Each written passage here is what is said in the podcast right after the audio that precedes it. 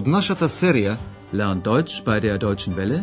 Учете германски со Deutsche Welle, чујте ја серијата Deutsch, warum nicht?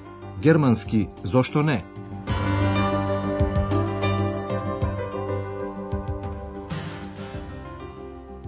Liebe Hörerinnen und Hörer. Драги слушателки и слушатели, денес ќе ја слушнете лекцијата 6 од серијата 4. Во минатата епизода Андреас запозна еден стар човек од селото Рибек, кој многу му раскажа за историјата на старото крушово дрво. Првото дрво беше уништено во една бура, а второто од руските војници. Слушнете го тој дел уште еднаш и внимавајте на пасивните форми со помошниот глагол werden во претерит. Vor über 80 Jahren wurde er von einem Sturm zerstört.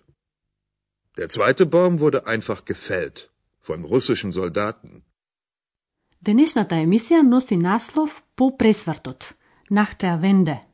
Станува збор за времето по 1990 година по обединувањето на двете германски држави.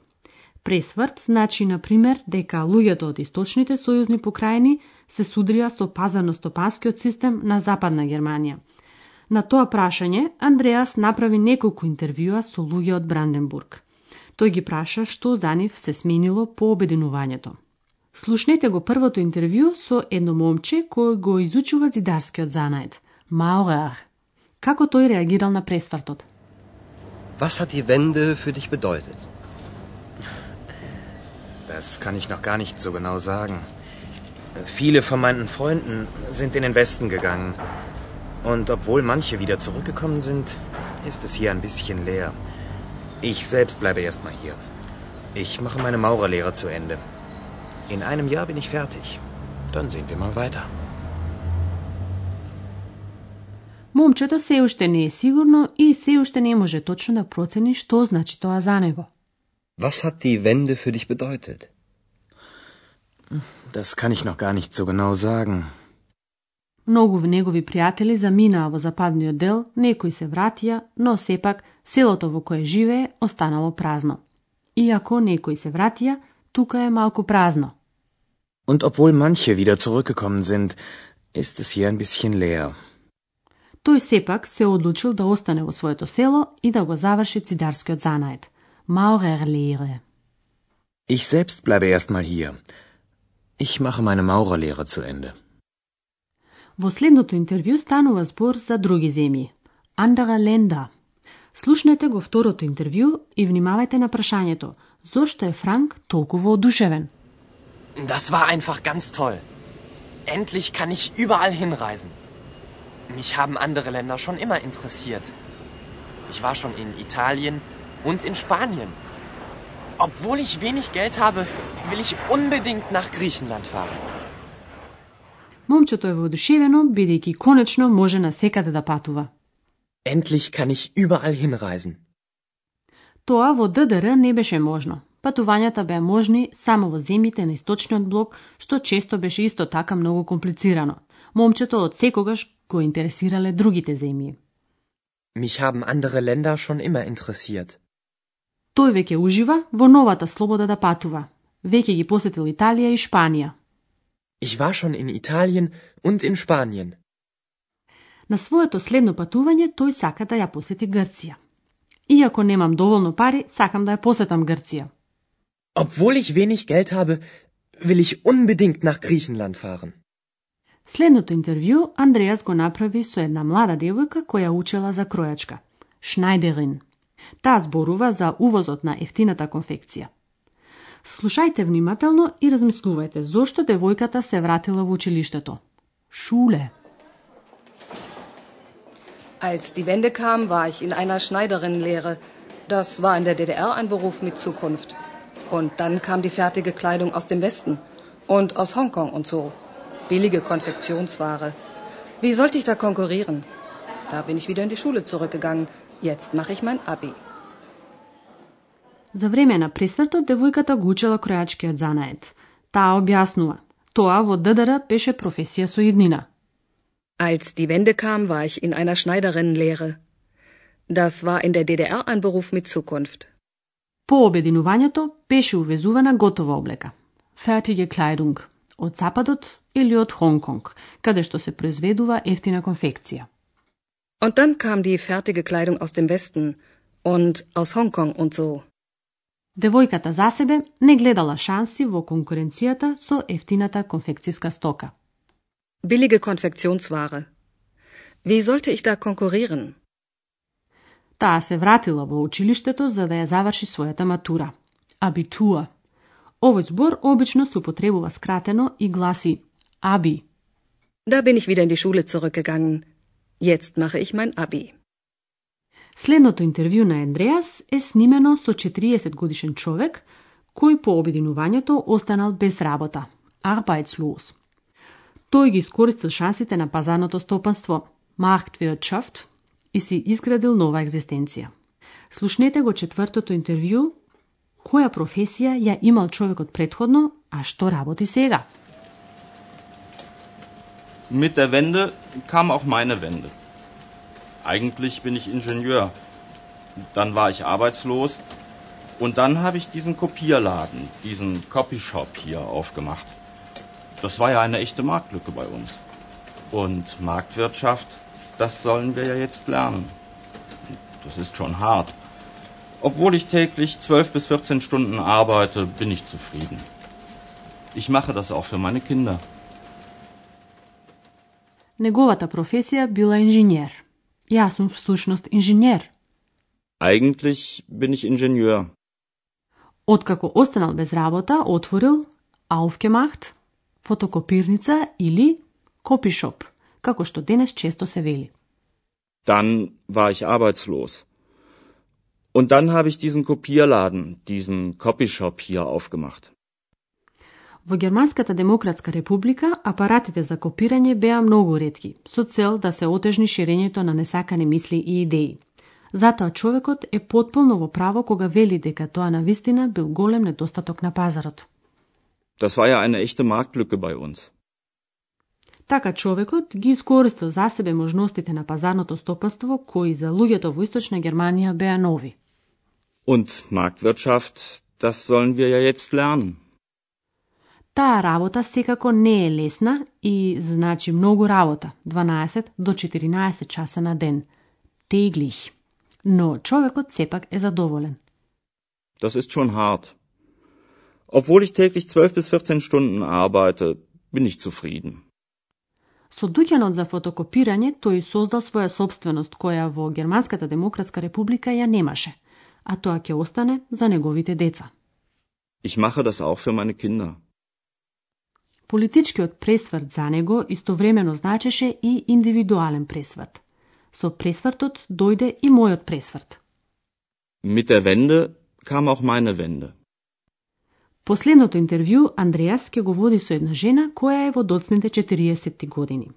Таа ги оценува позитивните и негативните последици од пресвртот. Позитивното, според неа, е дека младината, југент, конечно ќе може слободно да го искаже своето мислење. майнунг. Негативна е состојбата на жените на незина возраст. Слушнете зошто. Sie fragen, was die Wende für mich bedeutet hat? Sie hat gute und schlechte Seiten. Für die Jugend ist sie sicher gut. Sie hat mehr Chancen und kann jetzt endlich frei ihre Meinung sagen. Aber für uns, besonders für uns Frauen, war die Wende nicht gut. Obwohl wir alle gearbeitet haben, finden sehr viele Frauen in meinem Alter keine neue Arbeit mehr. Жената ги оценува последиците од пресвртот. Има добри и лоши страни. Sie hat gute und schlechte Seiten. Добрите страни пред се ќе ги почувствува младината. Таа има повеќе шанси и конечно ќе може слободно да го искаже своето мислење. Für die Jugend ist sie sicher gut. Sie hat mehr Chancen und kann endlich frei ihre Meinung sagen. Лошите страни, според мислењето на жената, ги чувствуваат пред се жените на незина возраст. Скоро сите жени во Германската демократска република работеа, а сега, посебно постарите, не ќе можат да најдат нова работа. Obwohl wir alle gearbeitet haben, finden sehr viele Frauen in meinem Alter keine neue Arbeit mehr. По обединувањето стана јасно дека стопанството во Источна Германија беше пропаднато. Многу луѓе требаше да бидат отпуштени, а невработеноста посебно ги погодува жените. Сега ќе ви ги објасниме зависните реченици кои започнуваат со иако, обвол, односно концесивните реченици.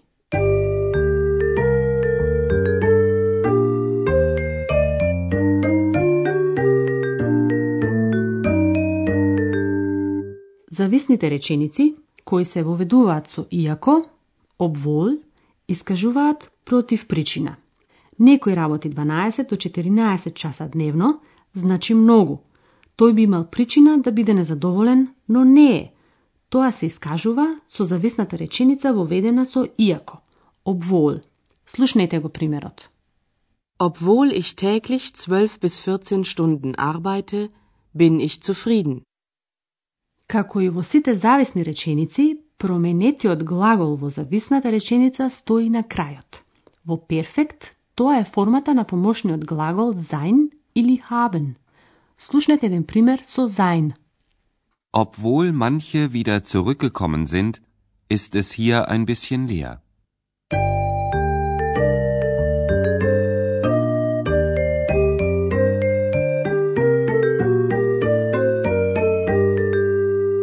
сега ќе ги повториме уште еднаш сите пет интервјуа. Седнете удобно и слушајте внимателно.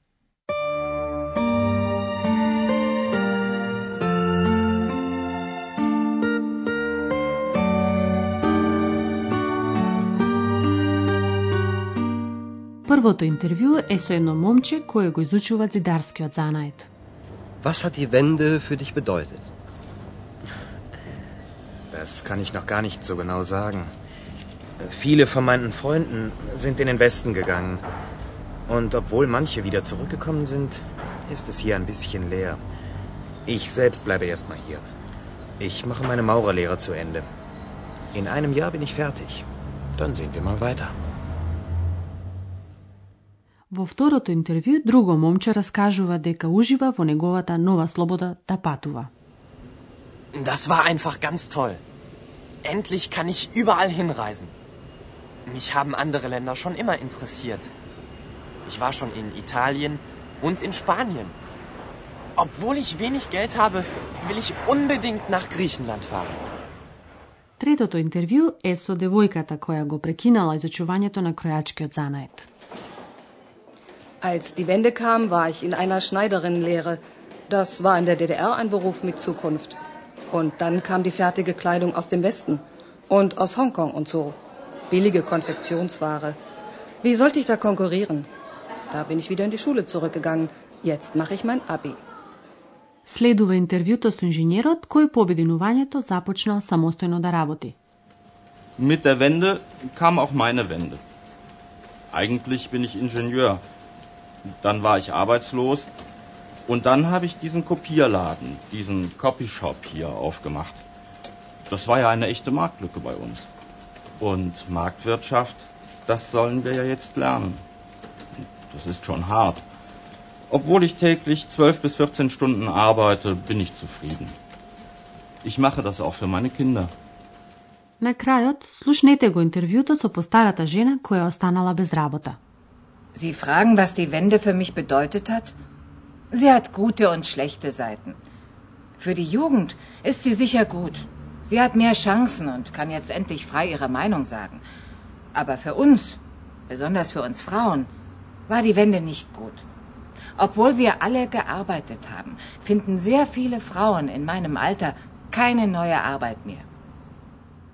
Тоа беше се за денеска. Следниот пат ќе одиме во Потсдам, каде што постојат стари докази од дамнешно мултикултурно општество. До тогаш, до слушање. Тоа беше германски «Зошто не?» радиоговорен курс на Херат Мезе во продукција на Дојче Веле и на Гетовиот институт од Минхен.